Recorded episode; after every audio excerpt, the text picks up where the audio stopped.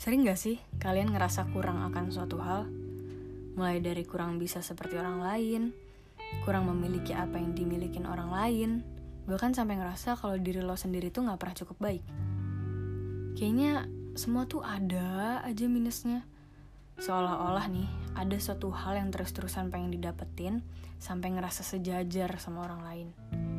Buat gue ada banget sih perasaan kayak gini. Tiba-tiba datang aja, seakan-akan jadi manusia yang gak pernah dikasih nikmat sama Tuhan.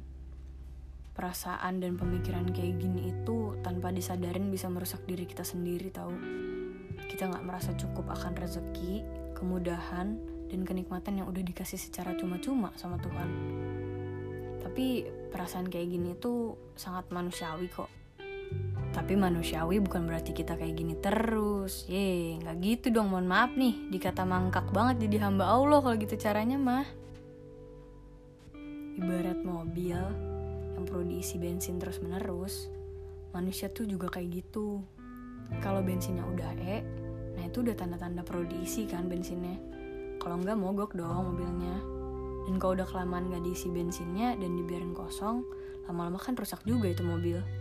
Sama kayak kita nih, manusia.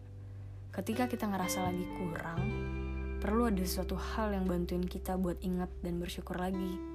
Deketin diri sama pencipta itu udah jadi obat mujarab banget sih. Menyadari banyak banget hal yang udah kita dapetin di dunia. Coba deh kalian sisihin waktu sebentar aja buat renungin apa aja sih nikmat yang sebenarnya datang di hidup kalian, tapi secara nggak sadar nggak kehitung aja gitu. Pastinya banyak banget dong. Tapi apa kalian pernah berterima kasih atas hal tersebut? Bisa iya, bisa enggak. Pelajaran bersyukur menurut gue adalah pelajaran seumur hidup. Ini nggak bisa gue pelajarin pada satu atau dua fase dalam hidup gue aja. Karena ya gue pun manusia yang kadang lupa juga buat bersyukur Ngeliat orang cakep dikit, insecure.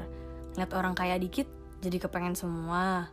Ngeliat diri sendiri dipandang gak cukup baik di depan orang lain, langsung deh nyari-nyari kesalahan diri sendiri kenapa gak bisa sama kayak orang lain. Respon pertama yang dilakuin pasti negatif. Gak tahu kenapa. Nah, coba yuk sekarang mulai mensyukuri nikmat-nikmat kecil yang tadinya gak kehitung. Ngomong mah emang gampang, prakteknya nih yang susah.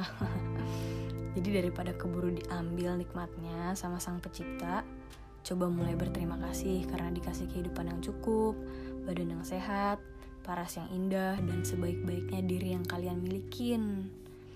Kita semua pasti ada kurangnya. Tapi kalau hati kita bisa menerima segala kekurangan dengan ikhlas dan lapang, gue yakin segala ketidaksempurnaan dan kekurangan pada diri kita nih gak akan membuat nilai kita sebagai manusia berkurang juga.